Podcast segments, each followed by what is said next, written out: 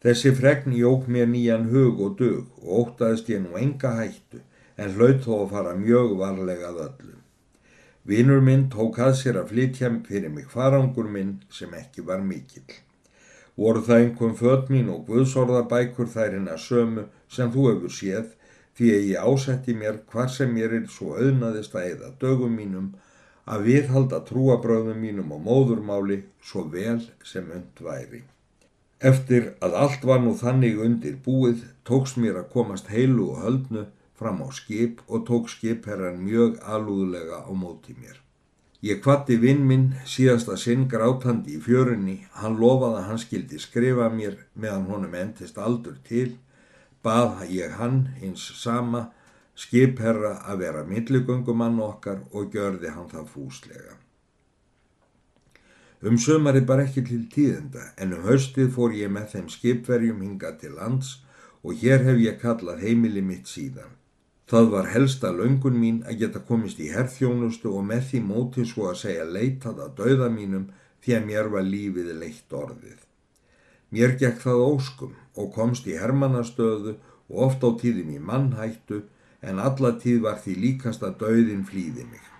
Ég sóktist eftir að vera þar sem hætta mar mest en var þó ætið sigursæl og fyrir það hækkaði ég fljótlegi í hermannastöðunni og var lautinant og hefði geta komist miklu hærra ef ég hefði ekki stríkt af alefli á mótiði. Við allt þetta umbreytist hugur minn svo að segja til þess gagstæða sem áður var. Ég var ungur, góðlindur, blíðlindur, huglaus og mennlaus og gatt engum manni gjört ílt þótt ég hefði átt til fjára vinna og svo var ég gladlindur að ég ekki þekkti hvað hreggðu var. En nú er ég eins og þú hefur séð og þekkt mig, kaldur, harður, alvöru gefin og þurr og óttast ekki döðan án þess að þráan beinlínis þótt hann stæði afmálaður fyrir augum mínum. Mótgjörð þól ég heldur ekki mikla til þess að fá fullt skap til að hefna mín og það segið er satt að stattur í mannfalli óskaði ég oft að þrællin vikfúrstæði fyrir mér svo ég geti rekjaðin í gegn mér til hugsvölunar. Vikfús, sagði Óli nokkuð fljótlega, þegar hann heyrði þetta kunnulega nafn. Ójá, Vigfús sagði ég. Hann hétt Vigfús Gissurason, vinnumadurinn sem best gekk fram í því að steipa mér í ólögguna og sem sannarlega gjörði það. Hann létt stólnumunina í hyrslur mínar, það þór ég að deyja upp á og nafni hans gleimi ég aldrei. En spurði mér nú ekki meira, það vil ég hafa, saði Max nokkuð byrstur. Skipherran sem flutti mig hingað var hvert sömar að fiskveiðum við Ísland og færði mér þaðan þrjú ár samfleitt bref frá vinum mínum og sagði hann mér ímislegt sem mér þótti gaman að vita. Hann sagði mér að sonur minn sem unnusta mín bar til þessa lífs litlu fyrr en hún sjálf yfirgaða hefði verið nefndur Bjarni og hefði hún verið komið í góðan stað þar sem vinir ekki þorðu að eiga hann hjá foreldru minna önduðu. Kristín en svo hétt fósturdóttir þeirra hjóna hafði fengið gott gjavorð og ímislegt fleira skrifaðan mér sem ég gætt séð hvena sem ég vil því að þau bref eru mér hinn mesta gersemi og þess vegna gemd. Eftir áðurnemd þrjú ár hef ég ekkert bref fengið frá Íslandi og ræði ég þar af að vinur minn hafi á því tímabili andast. Eftirfarandi ár var það ímist að ég var með hernum eður heima hér í staðnum og hafði þá á hendi að eða ræningum sem hér brötust á ströndum fram og gjörðu skafa og ætið hafði ég einhvert starfa sem mér með einhverju móti var til hagsmuna og grættið á því fljótlega fjö, svo nú má ég heita ríkur maður. Nú fyrir 20 árum hafði ég á móti vonminni glemt svo hörmungum mínum að ég festi að nýju ástveik vennmann.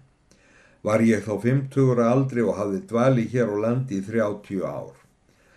Kona þessi var mér mjög ástúðleg og að flestu eftir mínu geði og kvongaðist ég henni með hennar góða vilja og byggum við saman sem best má verða í þeirri stjætt. Mér fannst nú að hímininn fullkomlega hefði grættinn gömlu sár mín og drekt hörmum mínum í glemsku hafi horfinna tíða.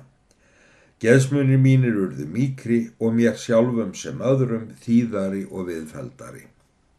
Það var eitt sem gjörði þessa raunabót mína ennþá fullkomnari að okkur eftir eins á samveru varð son, sonar auðið sem strax í æskuleit út fyrir að verða gott mannsefni. Hann var fríður og fimmlegur, lundhægur og okkur mjög eftirlátur og var hann því sannkallaður augasteitn okkar foreldra sinna. Það fór fyrir þessa breytingu smátt og smátt að kvikna hjá mér laungun eftir að sjá fósturjörn mína og vita hvort ég með tímanum við eitthvað tækifæri ekki kæmist eftir hvort sakleysi mitt væri ekki orðið augljóst.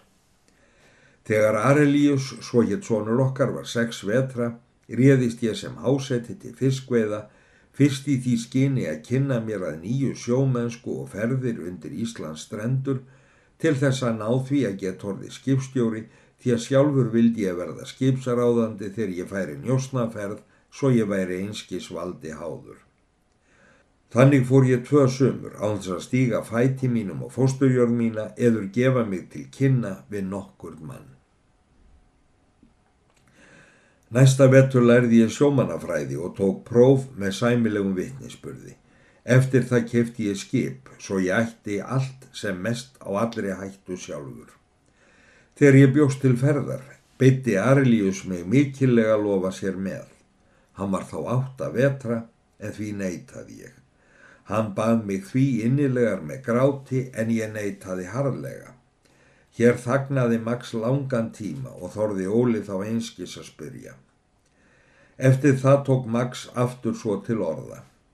Það var allt saman að mér þótti drengurinn og ungur og svo það að ég vandi hann strax á að beigja vilja sinn til hlýðni til við minn vilja og í þriðja lagi að ég hafði ekki hjarta til að taka hann frá móður hans og skilja hana þannig einsamla eftir því ég vissi að henni þótti mjög fyrir að skiljast við hann.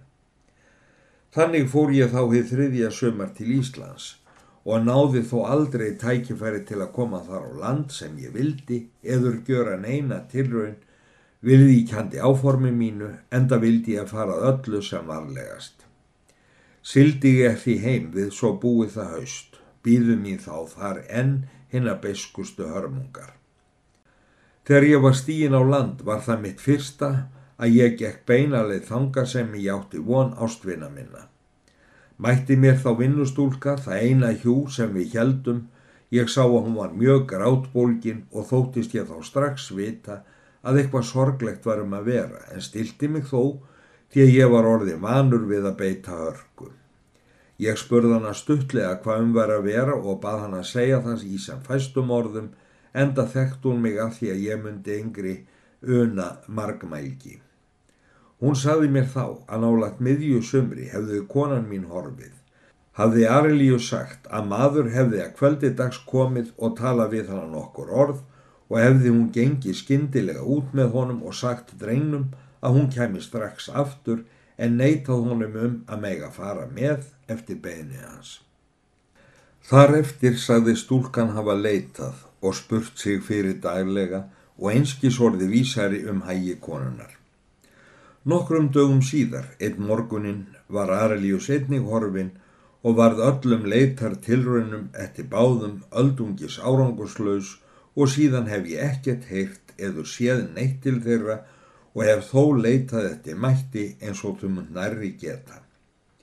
Að konan hafi allt í einu orði mér svo ótrygg get ég aldrei trúað heldur hitt að hún hafi með rekvísi verið svikin og um Arlius er mér það helst í grunn að hann af baslegri ofurhuga hafi farið að leita móður sinnar hvað svo sem hefur liðið um forlög hans Það hefur allatíð verið mér hulin óvisa. En nú er eins og þó nýlega hafi kviknað hjá mér veikur vonanleisti og skal ég setna segja þér frá því. Eftir að þessa stórkostlegu raunir hafðu geysað yfir mig nú að nýju þá espuðust geðsmunir mínir svo að hefði ég verið þess megnugur langaði mig til að fara með blóðugu stríði til Íslands og eiðilegja það með öllu. Svona óguðulega hugsaði ég. Fyrsti ástvinnu minn sem ég hafði vita á að þekkja var svo að segja eður svo var minn dómur um það myrtur fyrir augunum á mér og ég sjálfur rækjum burt þaðan sem ærulaus en þó saklaus. Þegar ég ætlaði að vitja Íslands til að geta réttlætt mig eftir langan tíma, þá eru á meðan ástvinnirnir sem ég hafði aftur eignast slitnir frá hjarta mínu. Ég ásetti mér að fara svo oft sem ég gæti til Íslands og vita hvort réttlætti sjálft færði mér ekki upp í höndurnar, tækifæri til að hefna mín og fyrst þegar ég sá þig, hrakin og hjálparlausan, ásetti ég mér að myrða þig ef þú aðeins værir íslenskur og hvernig síndist ég það? En fyrir þá hugsun skammaðist ég mín fljótlega, bæði fyrir guði og meðvitund minni. Ég hvorki get nýja hyrði um að koma orðum að hugsunum mínum þá. Eftir langa þögsaðan, en segð þú mér nú nokkuð af æfi þinni. Þú veist að ég hef aldrei spurt þig eins eða neins þar að lútandi. Þú heitir Ólafur réttunafni, það veit ég, en hver svon ertu? Ég er Sveinsson, uppalinn hjá sér að Bjarnar Magnúsinni, til þess tíma er ég og þér fundumst. Og hvað heitir móður þín? Hún heitir Anna og er kona Sveins.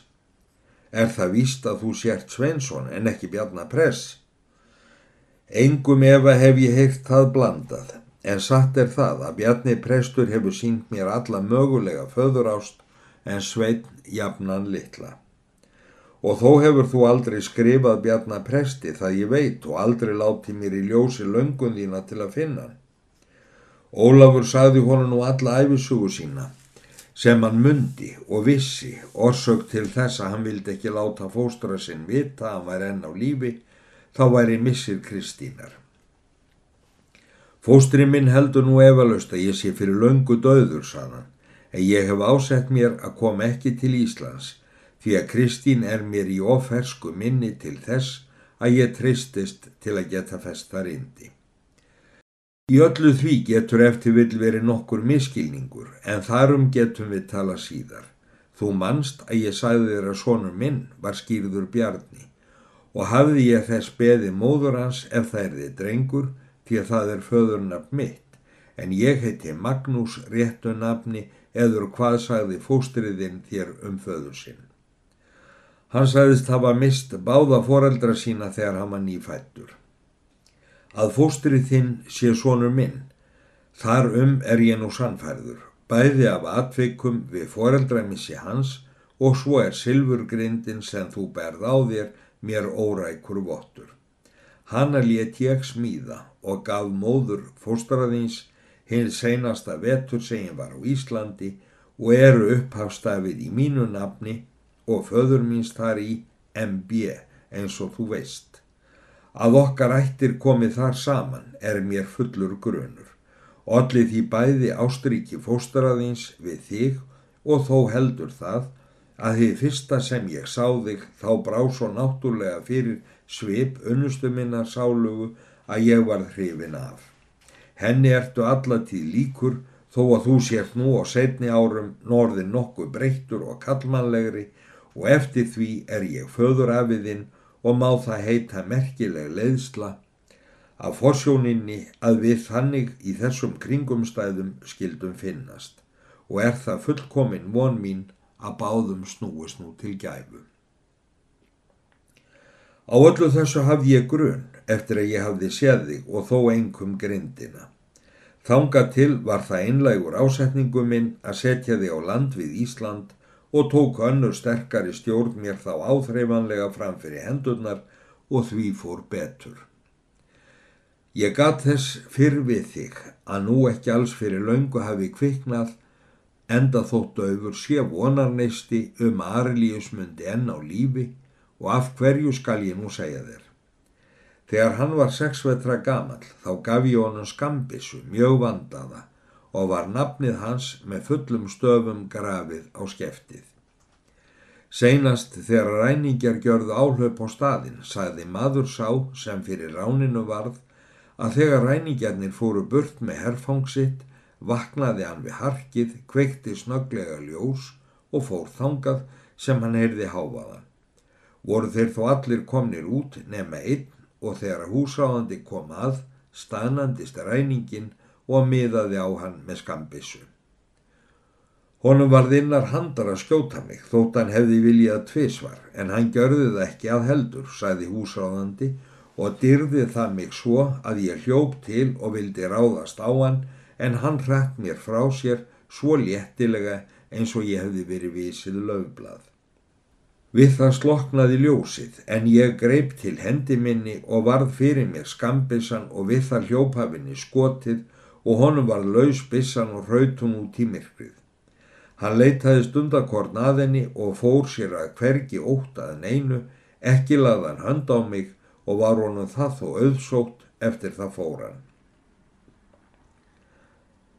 Hann sem rendur var sendi til mín og kom ég strax, en þegar byrti í húsin og við tókum aðgæta hverju rendaði verið, fann ég skambusuna og þekkti strax. Og það var hinn sama og ég hafi gefið síni mínum. Ég stakk henni strax niður hjá mér og vissi húsáðandi ekkert af og þótti mér væntum því að maður sá vissi hvarf Arliusar og þekkti nafnans. Maður þessi sagði mér að ræningin hefði verið fríður maður, mjög djarflegur og henn kallmannlegasti og eftir búningi og öðru að dæma mikið líklegur til að hann væri fyrirliði stigamannana. Af öllu þessu er það grunnum minn að þetta sé Arlius og þá vil ég fyrir hvern mun að hann ekki sé drepin, ellegar það er banamaður hans og vil ég þá ná honum lifandi til að geta haft á honum sannar sagnir og láta svo réttin hefna sonar míns á honum. Nú er það ætlun mín, ef það gæti hefnast, að vilji svo til að við sjáum einn mann þá að reyna til að limlesta hans svo hann ekki geti flúið án þess þó að lífi hans sé hægt. Þið sama hef ég sagt mannum mínum en því hef ég heitið í huga mér að verða þess manns bani sem drefur Aliljus ef ég get og þó þú verðir það, Ólafur, er hægt við að mér veitist full örðugt að stilla mig og er nú þó svo komið að ég anþjar manna mest næst honum.